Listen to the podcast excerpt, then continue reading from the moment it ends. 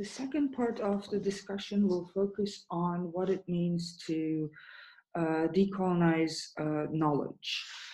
Uh, what I will try to underline here is that even though we sort of uh, work through disciplines uh, and try to problematize Eurocentrism in international relations, we have to also keep in mind that uh, knowledge and uh, knowledge itself and, and, disciplinary knowledge especially is uh, still rooted in coloniality what that basically means is that even though we've had uh, juridical political decolonization the way we continue to uh, organize knowledge think about the world is, is still rooted in those logics which goes back to uh, what we were sort of underlying in the first uh, part of the discussion about the spatio-temporal hierarchies.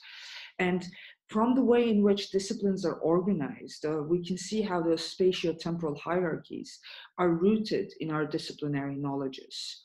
Uh, Wallerstein uh, underlines this uh, through what he calls the time-space of disciplines. And what he says basically is that uh, we can uh, differentiate disciplines uh, based on three axes. The relationship between past and present, the relationship between West and non-West, and uh, the construction of autonomous zones. What this means is that the way we study the world is structured around, again, a spatio-temporal division, a division between West and non-West, and the past and the present, what we think is situated in the past and what we think is situated in the present. Uh, the initial division comes from dividing history from other disciplines, in which uh, history is the study of the past, uh, whereas uh, disciplines such as economics, political science, and sociology are uh, studying the present. the other division comes from the spatialized division, whereby economics, political science, sociology are studying the West are constructed as studying the West, and anthropology and Oriental studies are about the non-West. Uh, a further uh, division happens uh, between economics, sociology, and political science, whereby we divide uh, knowledge into these separate spaces, even though they're all interconnected in a lot of ways. The way disciplines then work uh, already structures uh, our understanding of the world, uh, uh, spatially and temporally, in terms of what we situate as in the past, uh, what we situate as being in the West. This continues uh, to the present in how we then construct who can uh, not only which knowledges uh, are acceptable within these disciplinary constructs, but then who can theorize about the world, who can write about the world, and whose writings about the world are considered universal, and whose writings about the world are considered as being particular. Uh, and you can see that also in the division between uh, political science, uh, international relations, and area studies, right? Area studies becomes the focus on an area where you apply uh, sort of theoretical uh, discussions and try to understand a specific area. Or, and then you have the converse, which is that international relations, where you theorize about uh, how nation states act uh, in a very universal manner. So the, the root of the discussion then is, uh, you know, which knowledge uh, and whose knowledge gets to be universal and whose knowledge gets to be particular. This is then rooted in those spatio-temporal hierarchies that we discussed in terms of what gets accepted and what doesn't get accepted. Uh, and this is a, a, point that is put forward as, uh, uh, also by uh, Hamid Dabashi in his piece called uh, Can the Non-European Think, where he underlines that it's not that the, the uh, non-European doesn't think, uh, but maybe that the European cannot read.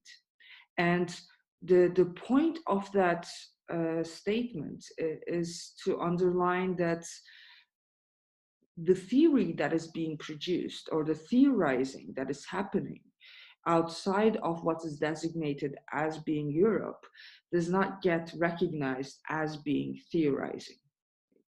Uh, it gets uh, particularized. Uh, and one of the ways in which you can sort of think through this is to, I would suggest, go to any library and look at how different books are organized. Right? Who, if you go to the philosophy section, who is in the philosophy section? Uh, and if you go to sort of regional uh, divisions within the library, uh, who's in those regional uh, sections. So the way in which we've organized knowledge is already uh, so rooted in those logics, the spatio-temporal hierarchies, that it's very hard to break through, even if we do uh, you know, criticize Eurocentrism or criticize the narratives of the international of international relations, uh, they still remain rooted in those knowledge systems in terms of what we're able to include as knowledge, what we're able to include as theorizing, what we're able to uh, include as uh, thinking subjects of history. All of these uh, aspects uh, become sort of automatically uh, silenced through the organizational aspect of disciplines. And that is why it is important uh, to underline decolonization of knowledge uh, or the, the, decolonization of uh, disciplines in a way that uh, questions those spatio-temporal hierarchies upon which they're based. Uh, an interesting um, debate that continues is then how do we uh, sort of take these steps, right?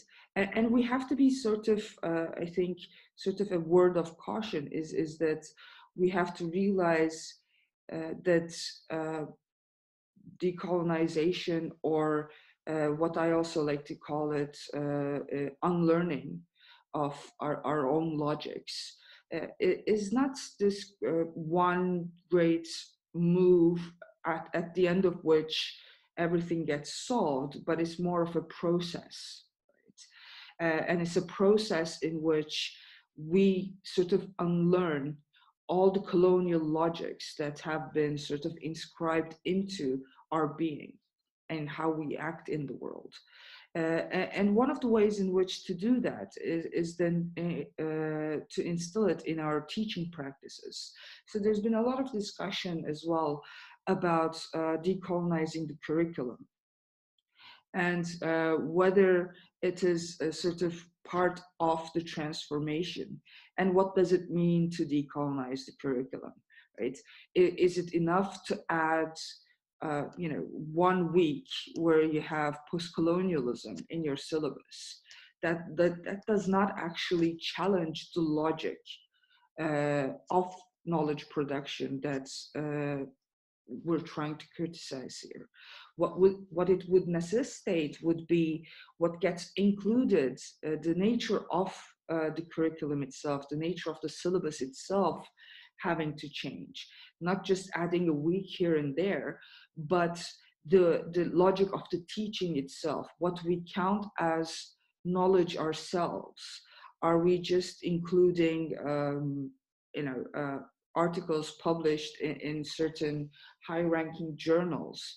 Are we including novels? Are we including poetry? Are we including songs? Are we what what becomes theorizing to us uh, when we actually want to teach about it? And how can we open that space up further uh, so that uh, disciplinary knowledge and its logics do not limit our way of thinking about the world? But like I mentioned, a word of caution is always part of the discussions about uh, decolonization, I think, because there's always the danger of not realizing how embedded we all are in these disciplinary structures and uh, to what extent uh, we can be uh, sort of critiques of a system in which we all are uh, participants. So I think this process requires much more reflexivity than assuming that we're all uh, sort of uh, very, uh, you know, directly or sort of easily changing uh, syllabuses, but also understanding that there are power structures and the university itself is part of those uh, power structures. So to think that you know uh, changing one week in a syllabus uh, is sufficient would be uh, a, a, a, very sort of wrong way to approach this. Uh, a better way would be to sort of look at it as a continuing process in which we're also embedded so that we do not actually look at ourselves as existing outside of these power structures coming in to change them, but as ourselves also being part of these power structures. And I think then uh, you, uh, it is more possible to think of um, ways of thinking that do not necessarily reproduce these logics or spatiotemporal hierarchies.